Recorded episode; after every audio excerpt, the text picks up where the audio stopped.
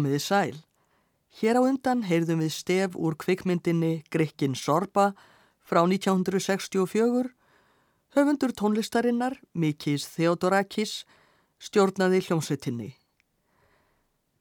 Annan september síðastliðin lést Theodorakis, 96 ára að aldri og í tilefnaf því verður þessi þáttur helgaður honum. Mikhail Theodorakis fættist á grísku eiginu Híos 29. júli 1925. Fadir hans var lögfræðingur frá Krít og þótt móðir hans væri grísk var hún frá Tjesme sem nú tilheyrir Tyrklandi. Theodorakis heyrði grískað þjóðlega tónlist frá unga aldri og var enn á barsaldri þegar hann fór sjálfur að fást við að semja lög. Hann stundaði tónlistanám í borgunum Patras og Pyrgos þar sem fjölskylda hans átti heima um tíma og 12 ára gammal stopnaði hann litla hljómsveit. En örlögin höguðu því þannig að Theodorakis lifði mikla olgutíma. Árið 1939 hófst heimstyrjöldin síðari og tveimur árum síðar réðust þjóðverjar inn í Greikland. Landinu var skipt í þrent, yfir áðasvæði þjóðverja, Ítala og Búlgara og Trípoli þar sem Theodorakis og fjölskylda hans áttu þá heima lendi á ítalska yfir áðasvæðinu. Ansbyrnur heiming gegn innrásaliðinu myndaðist fljótt og Theodorakis var ekki nema 16 ára þegar hann var handtekinn í fyrsta skipti fyrir að slá ítalskan foringja í göttum ótmælum. Í fangelsinu var Theodorakis pintaður en í gegnum samfanga sína kynntist hann kommunisma og eftir að hann var látin laus fór hann til aðþenu og gekk til liðs við hinn að vinstri sinnuðu ansbyrnu hreyfingu þjóðfrelsis varliðið sem skamstafað var EAM. Hann hóf inn í nám við tónlistarháskólan í aðþennu. Störfin fyrir EAM voru hættuleg og munaði stundum litlu að Theodorakis væri lífláttinn af óvinnunum. Árið 1944 steg Breski herin á land og náði brátt yfirhöndinni. Georgios Papandreou varð forsætisráð þeirra en EAM vantreysti hinn um nýju stjórnvöldum og neytaði að afvopnast. Úr varð borgarastrið sem stóð með hljefum í Gríklandi til ársins 1949. Theodorakis lendi hvað eftir annað í fangabúðum og var pyntaður. Þess á milli fór hann að mestu huldu höfði en reyndi samt að halda áfram tónlistanámi sínu eftir því sem hægt var. Borgarastriðinu lauk með sigri stjórnarinnar 1949 og árið senna útskrifaðist Theodorakis úr tónlistarháskólanum í aðhennu. Hann var þá 25 ára gammal. Árið 1953 giftist Theodorakis Myrto Altinoglu. Hann fekk styrk árið eftir og þau Myrto fóru til Parísar þar sem Theodorakis stundaði nám við tónlistarháskólan meðal annars hjá Eugène Bigot og Olivier Messiaen. Tónsmíðum hans fjölgaði og fengu þær góðar viðtökur víða, til dæmis hrefti Theodorakis gullverlaun fyrir svítu sína nr. 1 á æskulíðsháttíðinni í Moskvu árið 1957. Hann var líka fenginn til að semja tónlist við breskar kvikmyndir. En það var árið 1958 sem Theodorakis fann sinn rétta tón. Kvöldeitt las hann ljóðaflokkin Epitafjón eftir Jannis Ritsos en þeir höfðu báðir verið í Makronísos fangabúðunum. Ritsos var eldri en Theodorakis og hafði ort Epitafjón árið 1936 eftir að hann sá fréttaljósmynd í bladi. Laugreglan hafði skotið á friðsama mótmælagöngu verkamanna í Þessalóniku. Tólf höfðu fallið og myndin síndi harmþrungna móður yfir líki sonarsins. 22 ár voru liðin frá þessum atburði þegar Theodorakis las Epitafjón árið 1958 en hann fór óðara að semja tónlist við ljóðin í anda grískrar þjóðlega tónlistar. Agnes Balsa syngur nú eitt af lögunum úr Epitafjón, Lagið heitir Mera Magiu eða Dagur í mæ. Þar segir meðal annars Þú fóst burt á mædegi, sonur minn. Ég misti þig um vorið sem þú elskaðir svo heitt.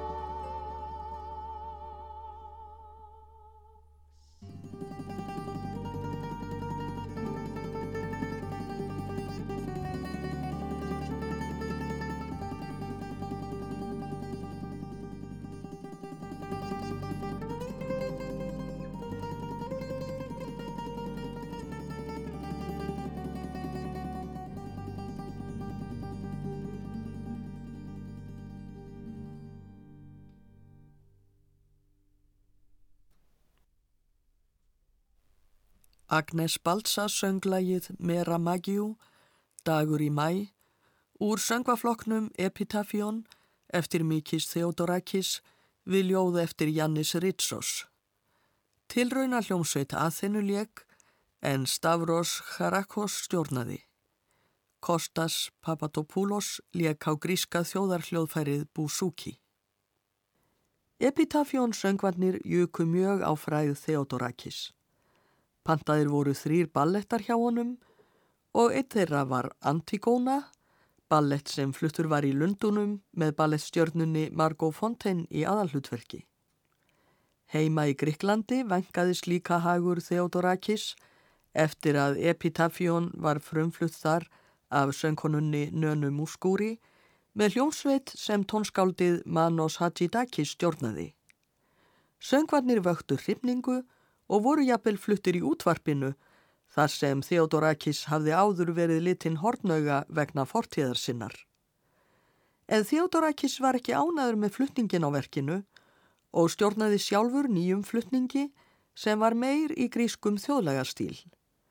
Upp úr þessu hófst rígur milli aðdáenda tónskáldanna tveggja, Theodorakis og Haditakis. Theodorakis og Myrto settust nú aftur að í Gríklandi og Theodorakis fór í tónleikaferðum landið. Stjórnvöld höfðu enn hortn í síðu hans og reyndi lögreglan stundum að koma í veg fyrir tónleika hans. Árið 1963 gerðist síðan atburður sem hafði mikil áhrif á grísk stjórnmál. Á friðarsamkomu í Thessalóniku var vinstri sinnaður þingmaður Grigoris Lambrakis myrtur af hæri augamannum sem tengdu slögreglunni. Þetta vakti mikla reyði og um það byl hálf miljón manna fyldi Lambrakis til gravar. Rópað var Lambrakis lifir. Theodorakis skrifaði grein þar sem hann fordæmdi morðið. Skömmu setna var stopnað félagið Líðræðisæska Lambrakis að undirlægi Theodorakis sem varð formaður félagsins. Árið 1964 var Theodorakis kosin á Þing og sama ár samti hann þá tónsmíð sína sem flestir þekkja, tónlist við kvikmyndina Grikkin Sorba. Gríski kvikmyndagerðamadurinn Mikael Kakoyannis leikstyrði myndinni sem er byggð á skáldsögu eftir Nikos Kazantzakis. Þar segir frá ungum manni, Basil, og kinnum hans af gríkjanum Sorba sem er fullur af lífskrafti. Frægasta atriði myndarinnar og um leið frægasta lag Theodorakis er þegar Sorba kennir Basil að dansa grískan þjóðdans á ströndinni. Anthony Quinn leik Sorba og Alan Bates Basil. Við heyrum nú atriðið eins og það hljómar í myndinni. Á undan læginu má heyra aðaleikarana segja fáinnar setningar. Teach me to dance, will you? Did you say dance? Come on, my boy.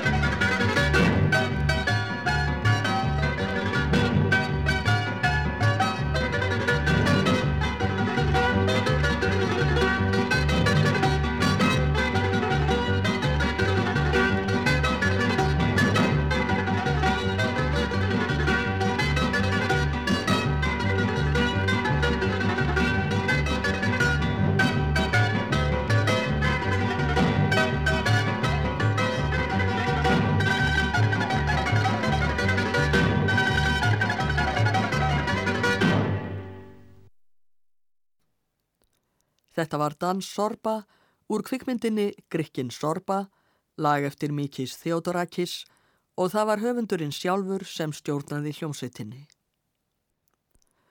Olga var mikil í Gríklandi um miðbygg sjönda áratugar, engum eftir að ungur félagi í Lambrakis æskunni, Sotiris Petrúlas, var myrtur af lögreglu í aðhennu. Fjöldi félaga í Lambrakis æskunni markfaldaðist við þetta. Í nýjás ávarpi sínu í upphafi ásins 1966 sagði Konstantín Gríklands konungur að kommunistar bæru ábyrð á óróa í landinu. Skömmu síðar var bannað að leika tónlist Theodorakis í ríkisútvarpinu en samt jógst salan á plötum hans sífelt. Það var svo 21. april 1967 sem miklir atbyrðir gerðust. Herin rændi völdum í Gríklandi og sett var á harðstjórn herfóringja. Theodorakis og aðrir vinstri sinnar voru í mikilli hættu og Theodorakis fór í felur. Nú var ekki aðeins bannað að leika tónlistans í ríkisútvarpinu. Heldur bannaði herfóringjastjórnin öllum í landinu að leika, hljóðrita eða selja tónlist eftir Theodorakis að viðlögðum hörðum refsingum. Þetta voru ekki aðeins orðin tóm. 12. júli 1967 byrtist þessi frétt í grísku dagblæði. Athanasía Palgopoulou, 23 ára, hefur verið handtekinn og færð fyrir rétt í aðinu fyrir að brjóta lauginn. Á heimili sínu, Evil Pítón nr. 37, sett hún plötu með tónlist eftir tónsmiðin Mikis Theodorakis í stereohljómtæki sín og skrúaði hljóðstyrkin upp í hámark. Tól plötur á heimili hennar voru gerðar upptækar og fjórum mánuðum síðar mátti lesa í öðru bladi. Herrdómstól í Þessalóníku dæmdi á miðugudag kaupmannin Konstantínos Daútis 24 ára til fjögur ára fangelsis fyrir að hafa selgt plötu með mikist Theodorakis en tónlist hans er bönnuð. 21. ágúst 1967 var Theodorakis handtekinn og fangelsaður. Þau Myrto áttu nú tvö börn og í bókinni Dagbók úr ansbyrnurheimingu lýsir Theodorakis því þegar fadir hans og Myrto kona hans fengu loksa hittan inn á skrifstofu Lambrús örgislaureglustjóra. Eftir óendanlegan tíma er ég dagan okkur færður úr klefa mínum og inn á skrifstofu Lambrús. Hann situr við vinnuborð sitt. Á móti honum eru fadir minn og Myrto. Ég hafði ekki séð hana síðan um morgunin 21. april. Hún grætur. Hárið hann er greitt aftur og sett upp í hnút. Augun eru galopin. Tortregnin gagtekur hana. Hún kastar sér í fangiða mér. Ég er hafmyggjusamur. Hví lít helviti sem ég er búin að ganga í gegnum. Mér langar til að hlæja. Ég segi við hana, verður róleg. Þetta fer allt vel. Hún starir skelft á mig. Hvernig getur allt farið vel? Ég er mjög sterkur, segi ég og gít augunum háðslega til Lambrús. Þeir voga sér ekki að draga mig fyrir domstóla. Það er þeim aðeins til vandraða. En Lambrú er nýbúin að segja henni að réttarhöldir muni fara fram og ég eigi dauðadóm yfir höfði mér. Hann vil brjóta niður mótstöðafl hennar og mitt líka. Myrtó hefur líklega skilið það því hún segir allt í einu við mig hrættum að sér verði hend út á hverju stundu. Gerðu skildu þína og hafði ekki áhugjur af okkur. Við erum búin að vennjast þér í tilugsun að þú verðir dæmdur í lífstíðar fangilsi, jafnvel til dauða. Hugsaði ekki um okkur. Gerðu skildu þína. Ef þú gefst upp, drekkjum við okkur öll fjögur. Lambrú rís á fætur. Hann hafði ekki búist við þessu. Eru þér líka baróttumadur í kommunistafloknum? Nei, en ég hef mín að reist. Farið út með hann. Það liði fjórar vikur áður en ég sá hana aftur. Árið 1968 eftir fangelsisvistina samti Theodorakis meðal annars söngin Sláturhúsið þar sem hann minnist Andrésar félaga síns í fangelsinu en þeir höfðu samband hvor við annan með því að banka orðsendingar á dullmáli í klefaveggina. Kristján Árnason hefur þýtt þetta ljóð. Um miðjan dag, þegar yfirherslur hefjast, þeir greiða högg. Það heyri ég og finn sem alíkálfur inn í sláturhúsi. Þinn tími er nú, á morgun er það minn. Þeir eru að pinda Andres fyrir utan og böðulsökkin berast hingað inn. Um klefavekkin heyrir þau aftur í mér. Ég ber á minn, þú berð á þinn. Og dulmáls skeitin glimja oft í gegn. Ég lifi enn. Ég lifi af. Fögnuður stýgur upp í brjóstum okkar. Tikk takk í þinn. Tikk takk á minn. Fangelsið ángar þá sem rosa reytur og róða slær á klefa himinin.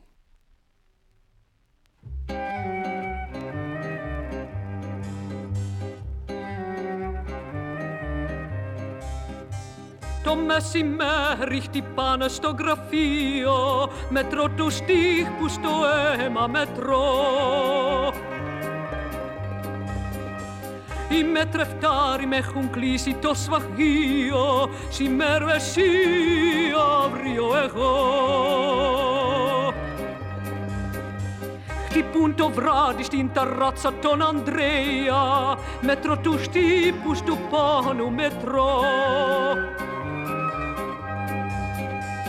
Πίσω απ' τον τοίχο πάλι σάμαστε παρέα. Τακ τακ εσύ, τακ τακ εγώ.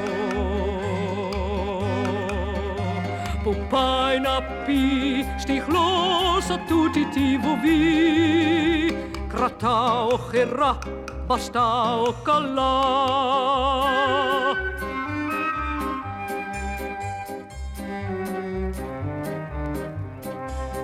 με στις καρδιές μας αρχινά το πανηγύρι. Τακτάκ εσύ, τακτάκ εγώ, τακτάκ εσύ, τακτάκ εγώ.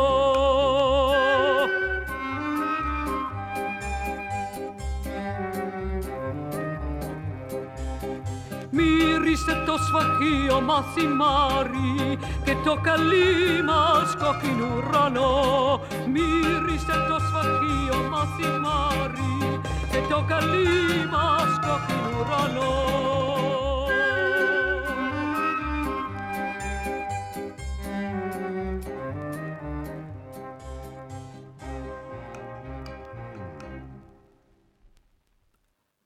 Kristína Kunne söng Sláturhúsið, Tósva Gejó, lag og ljóð eftir Mikis Theodorakis, Wolfgang Geri útsetti lagið. Þrátt fyrir erfiða dvöl í fangelsinu tókst Theodorakis að semja þar lög. Meðal annars samtan lög við fjögurljóð eftir Georgos Seferis í Averhof fangelsinu 9. til 10. januar 1968. Fangarnir sungu söngvana sjálfur og Theodorakis segir að þeir hafi verið sérstaklega hrifnir af söngnum ei lengi að býða. Þess er ei lengi að býða, brum knappar opna sig víða. Möndlutrén, þau blómstra bráðum. Bráðum glitra möndlu blómin. Þess er ei lengi að býða, blómskrúðið klifrar svo víða. Upp um vegg og vegar slóða. Vermir alla sólin góða, sundin blá og svalar öldur. Um skamma hríð, svo er stundin komin. Við skulum standa upp til að ná herra upp og ennþá herra upp. Við náum herra og mikið herra og ennþá herra upp og mikið herra upp og ennþá herra upp. Þannig þýðir Böðvar Guðmundsson kvæðið ei lengi að býða eftir Georgos Seferis. Loks kom að því að Theodorakis væri látin laus, meðal annars vegna þrýstings Erlendis frá.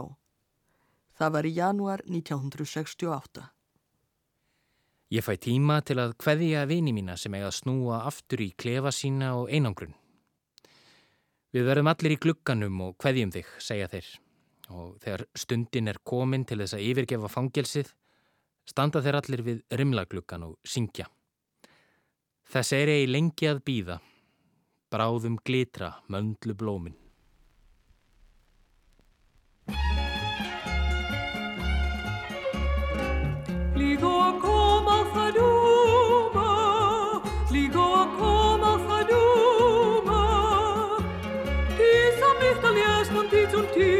do lježnan ticul, ti sam ih do lježnan ticul.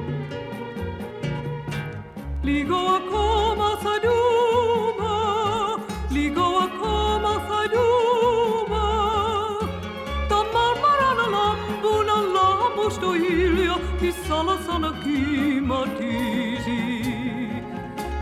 ακόμα να σηκωθούμε λίγο ψηλότερα, λίγο ψηλότερα, λίγο ψηλότερα. Λίγο ακόμα να σηκωθούμε λίγο ψηλότερα, λίγο ψηλότερα, λίγο ψηλότερα.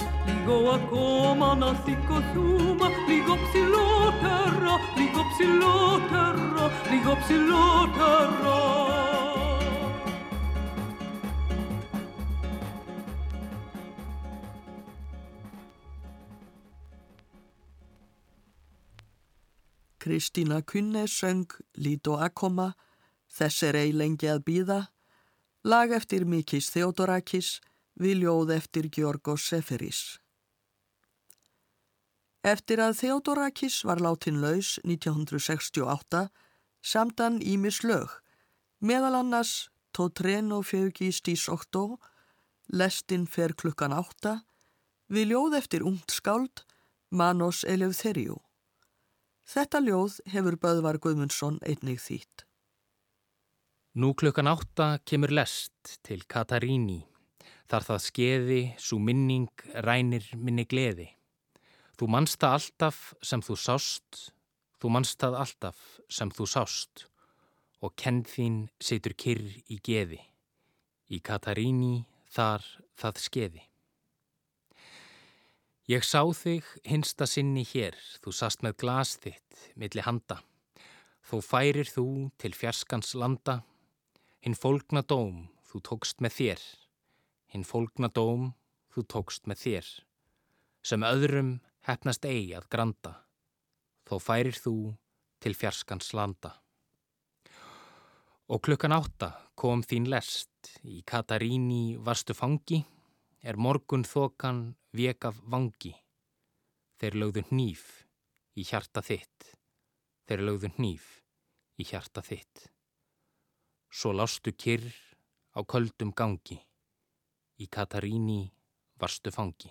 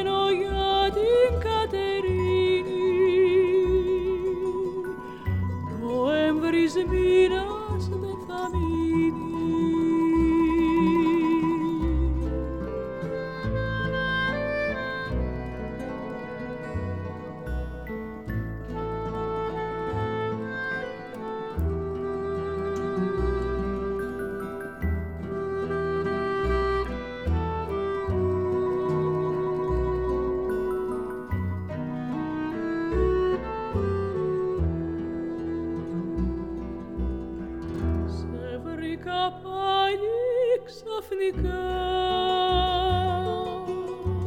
Να πίνει σούζος του Λευτέρη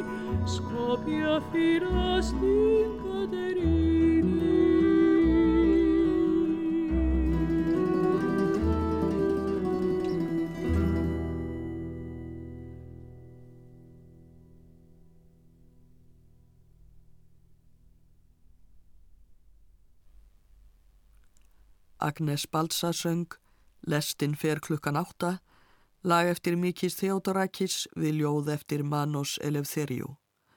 Stavros Karakos stjórnaði tilrauna hljómsveitinni í aðþennu, Kostas Papadopoulos lék á búsúki. Frelsið stóð ekki lengi hjá Theodorakis. Um haustið 1968 var farið með hann og fjölskyldu hans upp í fjallaþorpið Satúna þar sem þau lifðu í hálgerri einangrun og undir stöðugu eftirliti örgislaurreglunar. Samt tókst að smigla þaðan nýjum söngvum Theodorakis og gefin var út plata með þeim í Hollandi. Það eru meðal annars lögin sem við hefum heyrt hér í þættinum sungin af Kristínu Kunne. Meðferðin á Theodorakis vakti alþjóðlega reyði, hann veiktist af berglum og loks fekk hann að fara í útleið til Fraklands árið 1970. Fjölskylda hans kom þangað á eftir honum. Fjórum árum síðar, 1974, fjall herfóringjastjórnin í Greiklandi og Theodorakis snýri aftur heim á samt fjölskyldu sinni. Honum var vel fagnað og flutt var nýtt verk eftir hann, söngverkið Canto General, sem hann hafði samið við ljóð eftir Pablo Neruda. Síðar átti Theodorakis eftir að stækka verkið, svo úrvarð heil oratória. Við hlýðum nú á annað atriði oratóriunnar Canto General, það er ljóð sem hefst á orðunum Voja vivir, ég mun lifa.